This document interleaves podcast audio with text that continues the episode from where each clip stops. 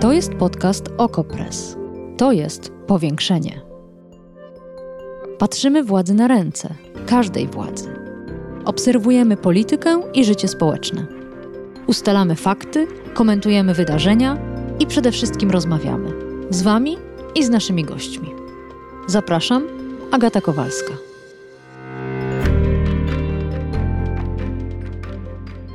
Najnowszy raport Najwyższej Izby Kontroli ma ponad 200 stron i jest pełen ponurych opowieści o pieniądzach. W jego stworzenie zaangażowano delegatury NIK z całego kraju. Temat to oczywiście Fundusz Sprawiedliwości.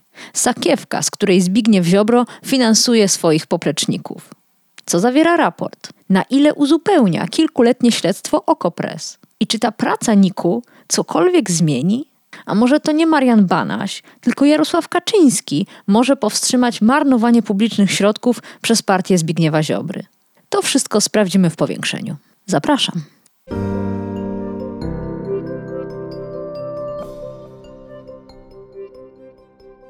A dzisiejszym gościem powiększenia jest Sebastian Klauziński, dziennikarz śledczy Okopres. Dzień dobry. Dzień dobry.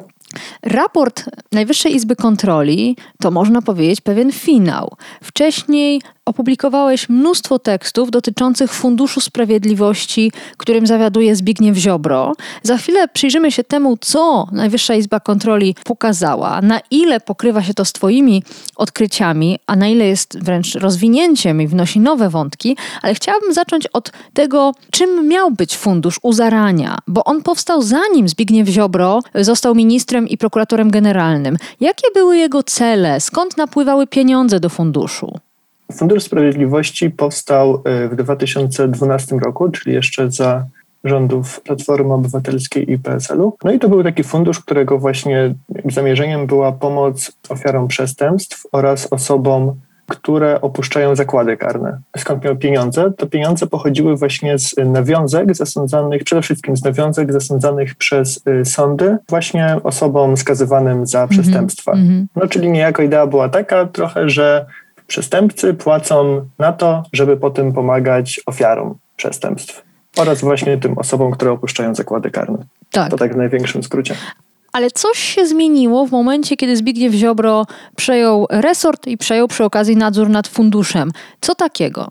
Właściwie trochę nie wiadomo, kiedy dokładnie to się stało, czy kiedy, kiedy minister Ziobro wpadł na, wpadł na ten pomysł, co można zrobić z funduszem ale wydaje się, że to było gdzieś w okolicach 2017 roku, ponieważ wtedy nagle właśnie minister Ziobro e, wydał takie rozporządzenie, które bardzo zmieniło ten fundusz, to znaczy jakby rozszerzyło kategorię celów, które mogą być z niego finansowane. Tam między innymi doszła taka kategoria w sumie jedna z najbardziej krytykowanych przez Najwyższą Izbę Kontroli, czyli taka kategoria, która się nazywa przeciwdziałanie przyczynom przestępczości. Ta kategoria, jak też zwraca uwagę NIK, jest na tyle niejasna w tym rozporządzeniu, na tyle jest niejasno określona, no, że można pod to podciągnąć właściwie każdy projekt. I też w tym rozporządzeniu pojawia się taki, taki paragraf jedenasty. Ten paragraf dawał też ministrowi takie prawo, że w wyjątkowych przypadkach on może zupełnie uznaniowo dofinansowywać mm -hmm. podmioty publiczne to był taki kamień milowy trochę tej całej aferze, bo wydaje mi się, że to jest jednak jedna z największych afer e, rządu Zjednoczonej Prawicy, bo wtedy minister Zbigniew Ziobro, wydaje mi się, uznał, że ten Fundusz Sprawiedliwości może być bardzo dobrym, de facto trochę funduszem wyborczym czy funduszem partyjnym jego partii, Solidarnej Polski. Chodzi o to, że po prostu wtedy w ramach tej umowy koalicyjnej między PiSem a Solidarną Polską i wtedy jeszcze porozumieniem Gowina, to Prawo i Sprawiedliwość zgarniało całą subwencję, znaczy mm-hmm. jakby wszystkie pieniądze. No i właściwie Solidarna Polska była taka trochę bez grosza, a w kolejnych wyborach no miała chrapkę, żeby jednak trochę tych swoich kandydatów, nie wiem, wypromować, żeby więcej e, ludzi Solidarnej Polski weszło do Sejmu. I wydaje mi się, że to wtedy właśnie zrodził się ten pomysł, żeby ten Fundusz Sprawiedliwości trochę do tego właśnie wykorzystać, nawet nie trochę. No i od tej pory mm. zaczęły być, od 2017 roku zaczęły być finansowane przeróżne projekty z Funduszu Sprawiedliwości, zaczęły być dotowane różne stowarzyszenia i fundacje, które często były zakładane e, ad hoc przed tymi, zaraz przed tymi konkursami i o dziwo je wygrywały, a pracowały w nich, czy wręcz zakładały te organizacje e, jacyś lokalni działacze Solidarnej Polski. Z kolejnej strony znowu, szczególnie właśnie w czasie kampanii wyborczych, czy to samorządowych, czy parlamentarnych, politycy Solidarnej Polski e, jeździli do swoich okręgów wyborczych i tam po prostu w blasku fleszy z takimi wielkimi czekami na przykład przekazywali sprzęt, albo wozy, ochotniczym strażom pożarnym, mhm. czy teraz w czasie ostatniej kampanii wyborczej Rzeszowie. szpitalą. Mhm. Tak, to szczególnie Rzeszów, było Marcin widoczne, Warchoł. właśnie, to szczególnie było widoczne podczas kampanii e, w Rzeszowie, gdzie tam, przypomnijmy, startował wiceminister sprawiedliwości Marcin Warchoł. I jak policzyliśmy, to on tylko w czasie tej kampanii, w cudzysłowie pozyskał, bo on tak to tłumaczył, pozyskał dla Rzeszowa e, ponad 2 miliony złotych z Funduszu Sprawiedliwości. No i to było rzeczywiście jakieś najbardziej jego właściwie widoczne działania podczas tej kampanii, kiedy właśnie w blasku kamer przekazywał te tam czeki dla właśnie szpitali, i dla ochotniczych straży pożarnych. Mhm. Ale powiedziałeś, jest to jedna z największych afer rządu Prawa i Sprawiedliwości czy koalicji. Najwyższa Izba Kontroli chyba też tak uważa, bo zdecydowała się poświęcić e, niemal rok na e, kontrolę i następnie na stworzenie raportu. Ale e, zarzut ze strony polityków Solidarnej Polski, polityków PiS jest taki, że to jest po prostu polityczna zemsta Mariana Banasia. Czy twoim zdaniem jest w tym jakieś um, ziarno prawdy? Innymi słowy, że Banaś nie zająłby się tym funduszem, gdyby nie jego osobista historia? Wydaje mi się, że to jest tylko no, taka dosyć desperacka linia obrony Ministerstwa Sprawiedliwości, ponieważ to nie jest tak, że to nagle Marian Banaś się zainteresował Funduszem Sprawiedliwości. Ten fundusz już od kilku lat jest kontrolowany i zawsze jest naprawdę bardzo bardzo krytykowany przez mhm. Najwyższą Izbę Kontroli. Także my na przykład pisaliśmy e, chyba w 2019 roku o też takiej druzgocącej kontroli, którą jeszcze przeprowadził NIK za prezesury pana Kwiatkowskiego, czyli poprzednika Mariana Banasia. No i wtedy te wnioski były, no może nie tak wstrząsające, bo ta kontrola była dużo szersza, no ale wtedy no, też to wszystko już się pojawiało, to znaczy wykorzystywanie właśnie tego funduszu do zupełnie innych celów niż został stworzony, właśnie niegospodarne i niecelowe wydawanie dziesiątek czy setek milionów złotych, to już, to już wszystko było przed Marianem Banasiem. A jak oceniasz skuteczność tego raportu Najwyższej Izby Kontroli, skuteczność też swojej pracy dziennikarskiej. Te teksty publikujesz od 2018 roku, skoro jak sam mówisz, e, jeszcze za e, Kwiatkowskiego NIK wskazywała na nieprawidłowości, Okopres również, organizacje pozarządowe również, e, no ale nic się nie zmieniało, czego najlepszym przykładem kampania wyborcza Warchoła. Na ile ten raport może coś zmienić i właściwie jeśli miałby zmienić, to czy w samym funduszu, w rozporządzeniu, czy też widzisz jakieś inne możliwe tutaj scenariusze? Ta kontrola NIK-u przeprowadzona teraz była mhm. rzeczywiście bardzo szczegółowa, bo jeśli e, wejdziemy na stronę NIK i właśnie na stronę tej kontroli, no to tam mamy główny raport, który ma bodajże ponad 130 stron. Tak. Oprócz tego są jeszcze wystąpienia pokontrolne poszczególnych delegatur NIK-u z całej Polski, które badały jakby swoje, powiedzmy, te wydatki funduszu w swoich regionach. Mhm. Tych dokumentów jest bardzo dużo i one rzeczywiście bardzo jaskrawo pokazują tę całą niegospodarność i niecelowość tych wydatków. No a czy coś się zmieni, to moim zdaniem, no nie wiem, nie mam tu wielkich nadziei, ponieważ szczerze mówiąc, przy właśnie tym już poprzednich raportach, tych jeszcze sprzed czasów Mariana Banasia, też wokół tego funduszu przez kilka, kilkanaście dni było wielkie zamieszanie, że to właśnie jest afera, że co tutaj Ziobro zrobił z tym funduszem i tak dalej, no ale później jakby mhm. kolejne tematy Bo rozumiem, że też e, Jarosławowi Kaczyńskiemu nie przeszkadza, że Zbigniew Ziobro stworzył sobie taką skarbonkę. Bo to e, mógłby być, no, prawda, czynnik zmiany. Tak, tak. Tylko mhm. wydaje mi się, że jednak e, PiSowi coraz bardziej to przeszkadza mhm. i przeszkadzało już szczególnie właśnie w 2019 roku, kiedy ten fundusz był zaprzęgnięty właśnie do kampanii wyborczej do parlamentu ponieważ wtedy i ja rozmawiałem z politykami PiSu e, i też to było w innych materiałach dziennikarskich, że off the record politycy PiSu byli bardzo no, zdenerwowani, że mm, oni w swoich okręgach wyborczych byli jakby, jakby mieli wysokie miejsce na listach wyborczych, a e, jakby dużo więcej w mediach, dużo większą i lepszą kampanię mieli politycy właśnie Solidarnej Polski, którzy gdzieś tam na tych listach wyborczych byli dużo niżej. No i wszyscy byli zdziwieni, że aż tylu, bo to chyba wtedy 18 czy 19 polityków e, Solidarnej Polski jakby weszło do Sejmu. Mm. Więc e, PiS już wtedy był tym zdenerwowany. No ale to nic nie zmieniło, się, jak że... rozumiem. No tak, no rozumiem, że to nic nie zmienia, no bo być może, nie wiem, to jakiś jest warunek jakichś tam nieformalnych ustaleń, których pewnie nigdy nie poznamy nie wiem, że po prostu minister Ziobro ma przyzwolenie na, na takie Jego używanie. Jego skarbiec jest nietykalny.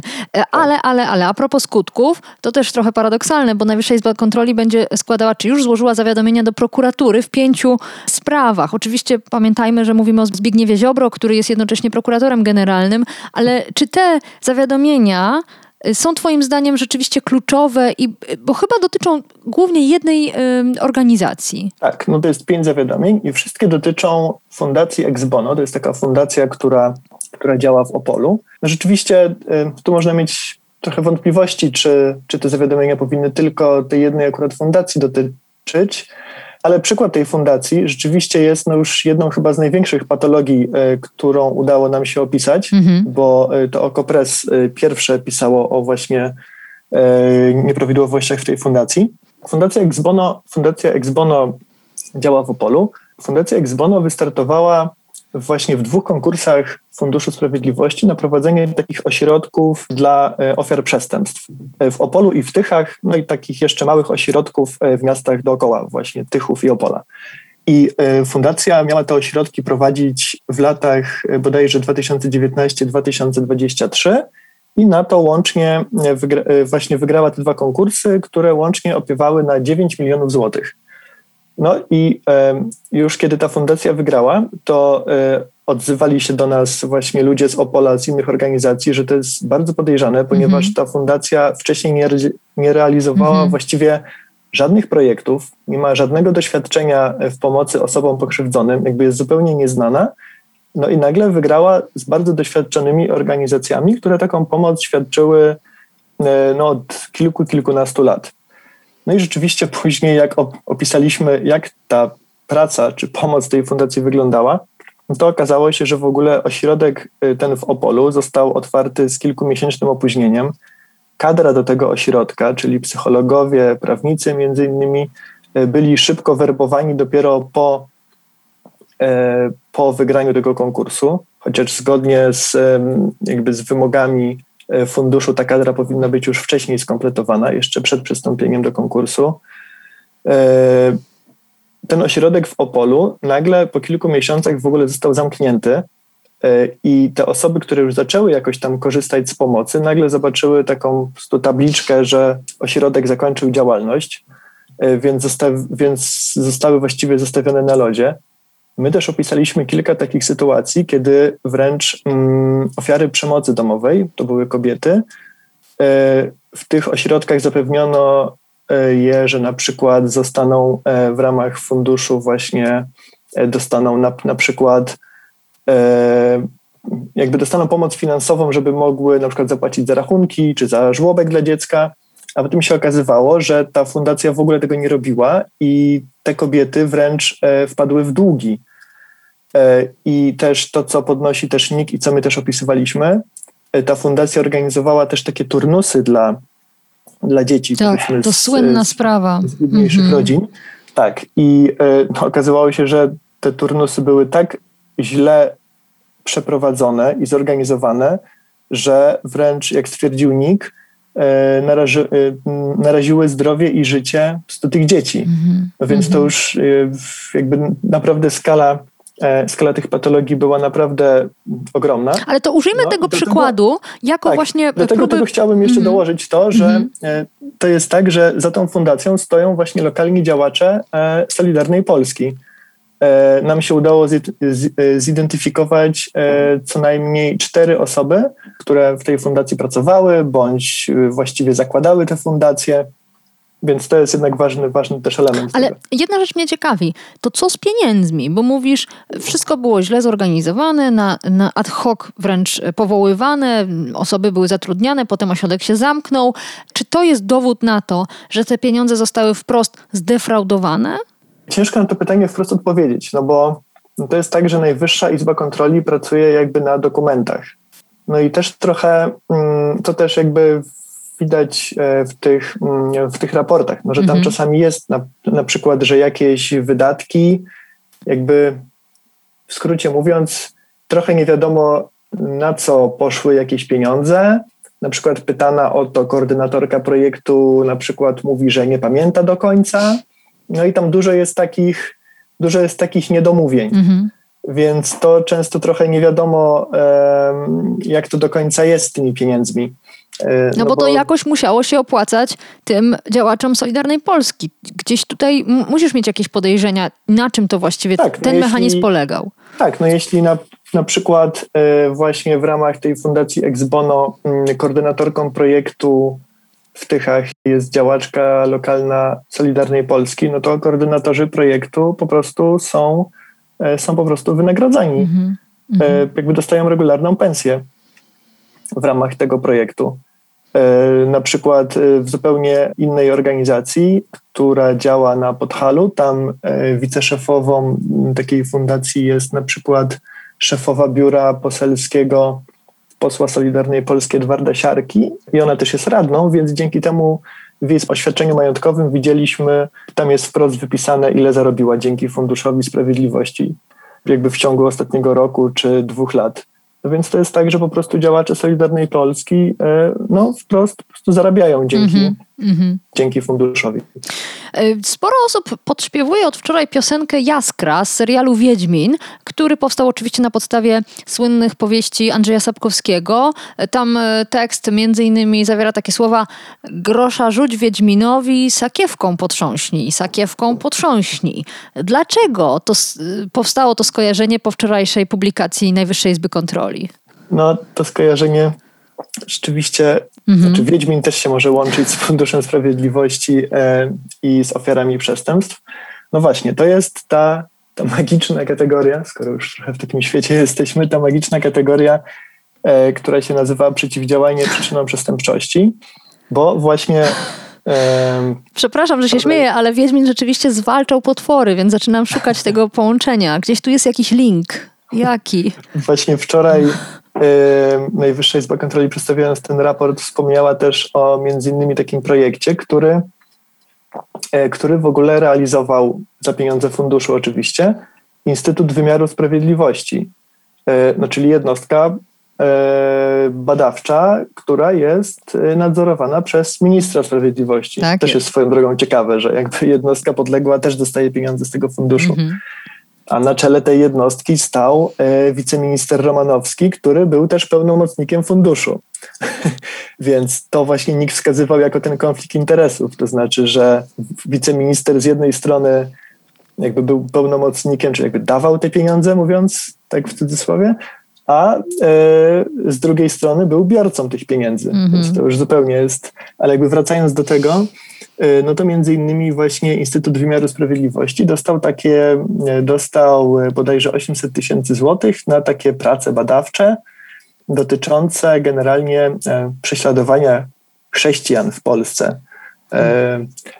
Prześladowania, uprzedzeń dotyczących chrześcijan w mhm. Polsce. A wciąż nie wiem, no jak to prowadzi nas do Sapkowskiego. No właśnie, to już, już wyjaśniam.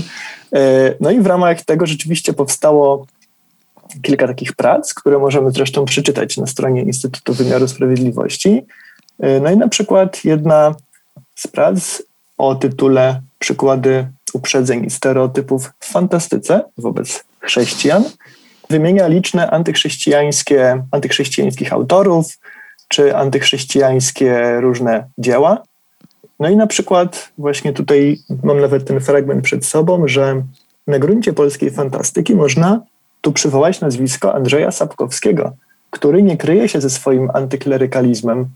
Cykl o Wiedźminie co prawda nie porusza tematyki chrześcijaństwa, bo też niespecjalnie ma ku temu możliwość, no to w sumie sprytnie zauważył autor, ale motywy ale... antyklerykalne pojawiają się na przykład w opowiadaniach, w opowiadaniach Sapkowskiego. E, no i tu są wymienione konkretne. Ale to prawda. Ja jestem wielką fanką tej sagi i rzeczywiście to jest prawda. Tam jest mnóstwo no. znakomitych scen, e, które pokazują na hipokryzję i, i też wielką chciwość e, różnego rodzaju kapłanów. Ale jak to się ma do Funduszu Sprawiedliwości i przeciwdziałaniu przestępstwom? No właśnie, nikt też nie potrafił znaleźć odpowiedzi na to pytanie i my też trochę nie możemy.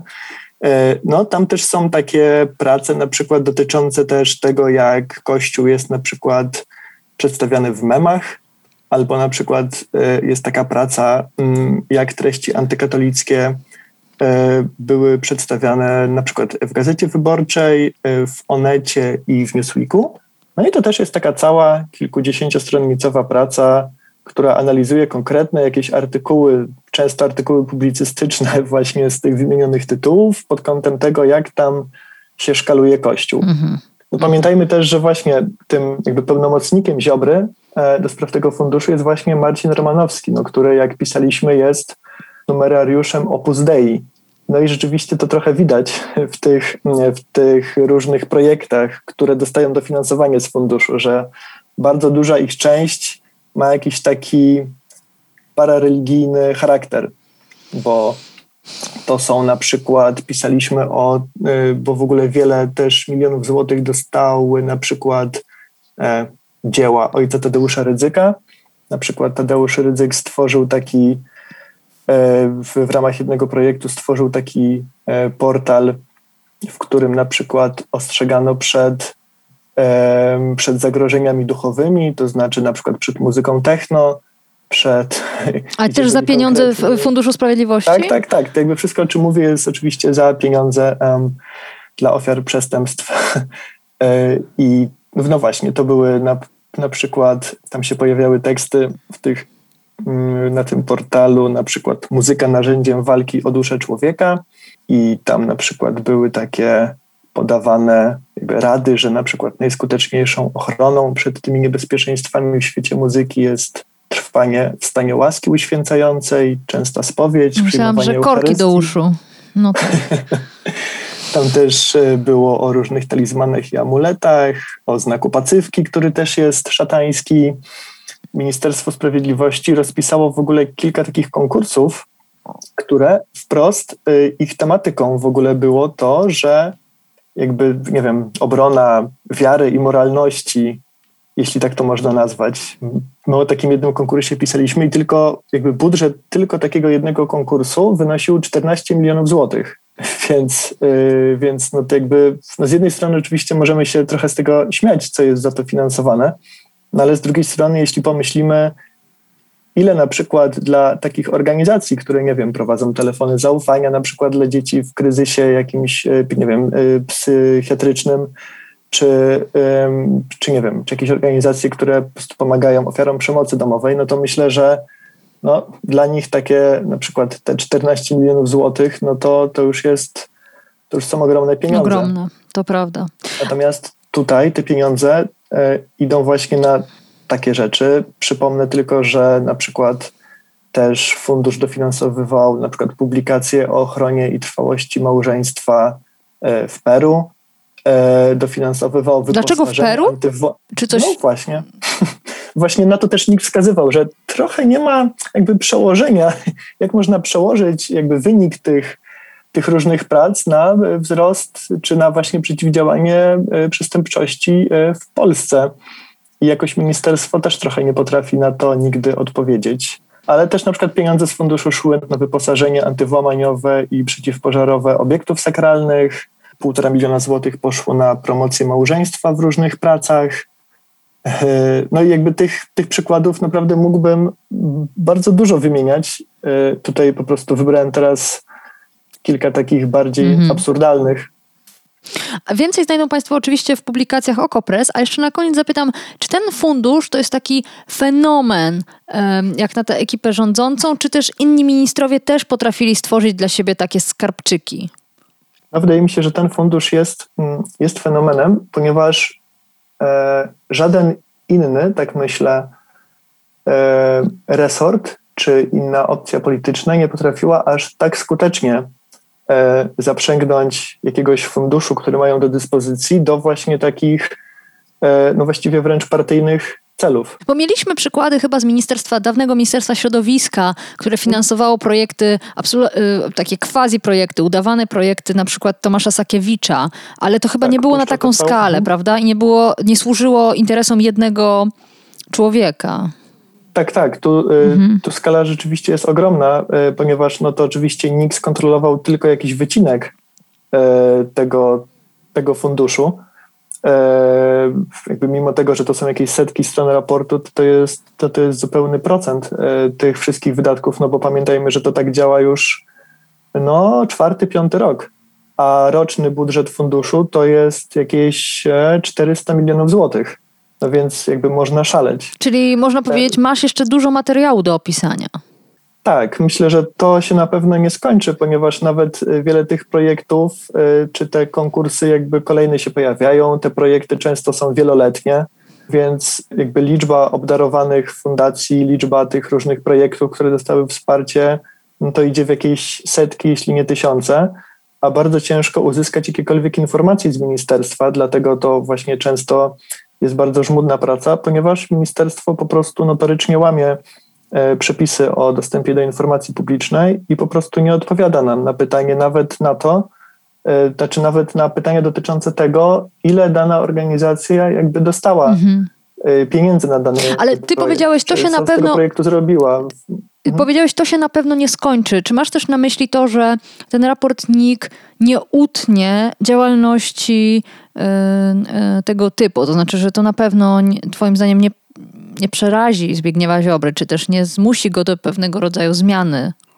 Myślę, że Ministerstwo Sprawiedliwości jest już zaimpregnowane na te ataki dotyczące funduszu, bo oni zawsze wtedy jakby odbijają piłeczkę i mówią, że no ale tutaj jak to nie pomagamy, skoro przecież dofinansowujemy Straż Pożarną, budujemy ośrodki dla, e, Ochotniczą Straż Pożarną budujemy ośrodki dla ofiar przestępstw i tak dalej, no więc E, no, oni teraz to jeszcze w ogóle wciągnęli w tę taką wojnę między Marianem Banasiem a obozem mhm. E, rządzącym. Tak.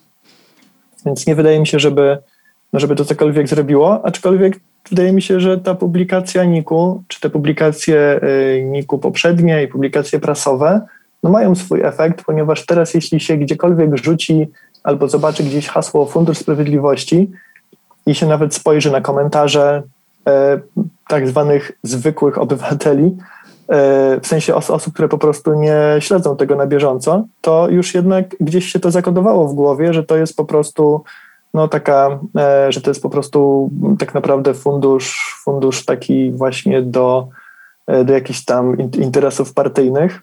I nawet myślę, że nie wiem, być może sama ta świadomość jest jakimś pozytywnym efektem. No, no z drugiej strony przykład, y, tragiczne, jest, mhm. tragiczne jest to, że Zbigniew Ziobro nigdy nie był popularnym politykiem, więc on nawet nie gra na to, żeby um, stać się bardziej e, lubiany w, czy to w koalicji, czy w społeczeństwie. Więc na pewno nie jest tak, że martwi się bardzo, że to uderzy w jego wizerunek. Tak, no i plus, że rzeczywiście to przynosi efekt, szczególnie w tych kampaniach wyborczych. Na koniec końców to się liczy po prostu, ile tak. Zbigniew Ziobro na, e, jakby ma posłów w Sejmie i jak bardzo może wtedy tym szantażować Jarosława Kaczyńskiego. No więc jeżeli taki fundusz można wykorzystać w czasie kampanii wyborczej i dzięki temu jeszcze kolejne osoby do Sejmu wprowadzić, to myślę, że nie, to żaden raportnik ani żadna publikacja prasowa e, nie może jakoś mm. tego zmienić, bo to jest zbyt, zbyt cenne.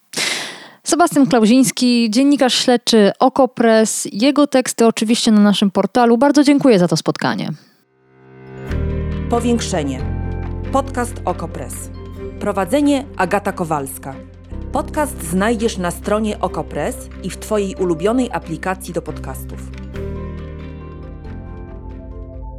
Redakcja Okopres działa od 2016 roku. Jesteśmy obywatelskim narzędziem kontroli władzy, obecnej i każdej następnej. Okopres utrzymuje się z Waszych darowizn. Wesprzyj nas, byśmy mogli działać dalej.